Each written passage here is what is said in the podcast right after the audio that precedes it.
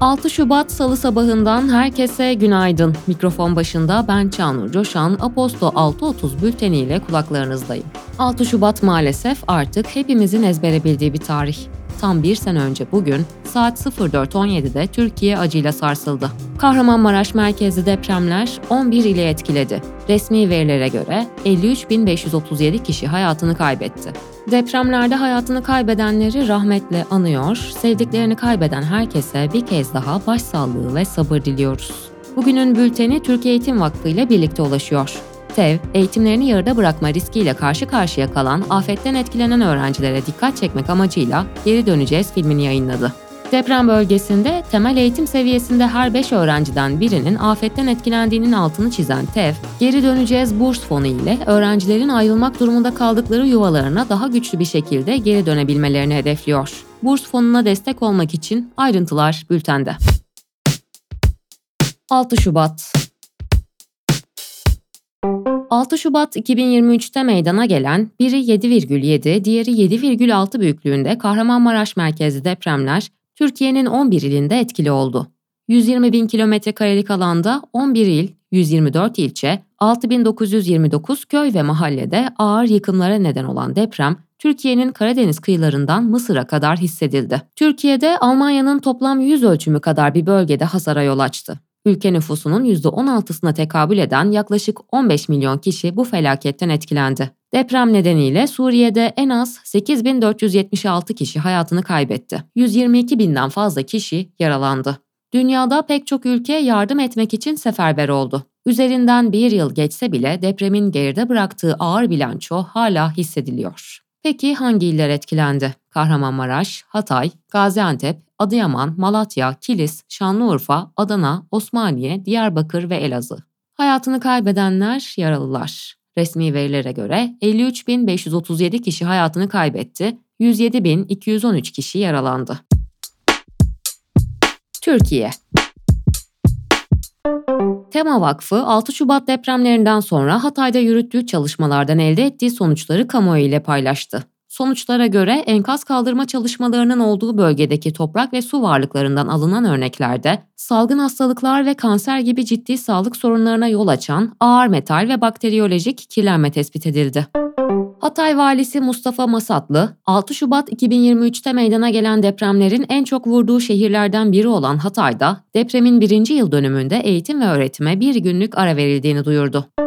Dışişleri Bakanı Hakan Fidan, Türkiye ile Mısır arasındaki normalleşme süreci kapsamında Mısır'ın Türkiye'den insansız hava aracı almasının gündemde olduğunu, İsrail-Filistin meselesi ve Akdeniz'de güvenlik mevzusu kapsamında Mısır'la işbirliğinin önemli olduğunu açıkladı. Fidan, Mısır'da çok sayıda Türk yatırımcısı var. Biz bu yatırımları artırmak istiyoruz. Mısır bizim için kardeş ve dost imkanlarının olduğu bir ülke dedi. Tokat'ın Niksar ilçesinde Güneybakan köyünde 4 gün arayla meydana gelen iki heyelan köyü ikiye böldü. Heyelanlar köyün batısı ile doğusu arasındaki ulaşımın sağlandığı yolu evlerle birlikte 3 metre güneye kaydırdı. Boşaltılan 39 evden 4'ü ve köy camisi cumartesi günü yıkıldı. Amerikan Blues Vakfı tarafından her yıl verilen Blues'u Yaşatma Ödülü, 2024 yılı için Blues Derneği'ne ve Yönetim Kurulu Başkanı Göksen'in Tuncalı'ya verildi. Tuncalı, bu blues dünyasında bir derneğin alabileceği en büyük ödül ve çok büyük bir onur. Türkiye'nin önemli bir blues merkezi olması için tanıtılması anlamında çok başarılı işlere imza atacağız dedi. Dünya ABD, Orta Doğu'da İran destekli milislere karşı yaptığı saldırıların başlangıç olduğunun sinyalini verdi. Beyaz Saray Ulusal Güvenlik Danışmanı Jake Sullivan, bunlar vereceğimiz karşılığın başıydı. Daha fazla adım atacağız. Amerikalılar öldüğünde karşılık veririz hem de daha sert bir şekilde dedi. Suriye Demokratik Güçleri, Irak'taki İran destekli grupların çatı örgütü İslami Direniş tarafından saldırıya uğradığını bildirdi. Suriye Demokratik Güçleri saldırı nedeniyle 6 üyesinin hayatını kaybettiğini belirtirken Birleşik Krallık merkezli Suriye İnsan Hakları Gözlemevi ise saldırıda 7 üyenin öldürüldüğünü ve 18 kişinin yaralandığını duyurdu. Saldırıda ölen veya yaralanan ABD askerinin olmadığı belirtildi. ABD Senatosu sınır güvenliği ve dış askeri yardım için 118 milyar dolarlık yasa tasarısını açıkladı. Ancak Temsilciler Meclisi Başkanı Mike Johnson tasarıya ilişkin bu tasarı beklediğimizden de kötü ve başkanın yarattığı sınır felaketini sona erdirmeye yaklaşmayacak sözleriyle tasarıya karşı olduğunu vurguladı. İsrail basını, ABD Başkanı Joe Biden'ın enerji ve altyapıdan sorumlu kıdemli danışmanı Emma Sackstein'in Tel Aviv'de İsrail Savunma Bakanı Yoav ve İsrailli yetkililerle bir araya geldiğini duyurdu. Görüşmede saldırıların başlamasından bu yana Tel Aviv ve Beyrut arasındaki sınır gerilimini düşürmek için ilk diplomatik adımın atıldığı belirtildi. Eski ABD Başkanı Donald Trump, İsrail Başbakanı Benjamin Netanyahu'nun İran Devrim Muhafızları Ordusu'na bağlı Kudüs Gücü Komutanı Kasım Süleymani'nin öldürüldüğü operasyonun önemli bir parçası olduğunu, süreçte birçok konuda ortak çalıştıklarını ancak Netanyahu'nun operasyona iki gün kala vazgeçtiğini iddia etti. Ukrayna Devlet Başkanı Volodymyr Zelenski, üst düzey yönetiminde değişikliğe gitmeyi planladığını, bir sıfırlamaya ihtiyaç var. Sadece ordu tarafından söz etmiyorum. Birkaç eyalet liderinin de değişmesi gerekiyor sözleriyle ifade etti. Şili'nin Valparaiso bölgesindeki orman yangınlarında ölü sayısının yüzü aştığı belirtildi. Yetkililer yüzlerce kişinin hala kayıp olduğunu, ölü sayısının da artmaya devam edeceğini bildirdi. Rusya'da Acil Durumlar Bakanlığı, bakanlığa ait Mi-8 tipli bir helikopterin Karelya bölgesine düştüğünü, helikopterde bulunan 3 mürettebatın hayatını kaybettiğini duyurdu. Bakanlık, düşen helikopterin binlerce saatlik uçuş deneyimi bulunan deneyimli bir ekip tarafından uçurulduğunu belirtti. Ekonomi TÜİK verilerine göre 2024 Ocak'ta enflasyon aylık bazda %6,7 artarak 2023 Ağustos'tan bu yana devam eden düşüş trendini sonlandırdı. Beklenti %6,5 seviyesiydi. Yıllık enflasyon %64,86, yıllık çekirdek enflasyonsa %70,48 oldu. BIST 100 endeksi 5 Şubat saat 13 itibarıyla 8779,66 oldu ve tüm zamanların en yüksek seviyesini gördü. Bu seviye önceki kapanışa göre 113,98 puan ve %1,32'lik değer kazancına işaret etti. TCMB alacaklının borçludan FEST ödemesi talep etmesine imkan sağlayan FEST ödeme iste katman servisini kullanıma açıldığını duyurdu. Türkiye Varlık Fonu 5 yıl vadeli dolar cinsi Eurobond satışına yönelik olarak 5 Şubat itibarıyla yatırımcı toplantıları düzenlemeleri için BBVA, JP Morgan ve Standard Chartered'ı ortak küresel koordinatörler olarak yetkilendirdi.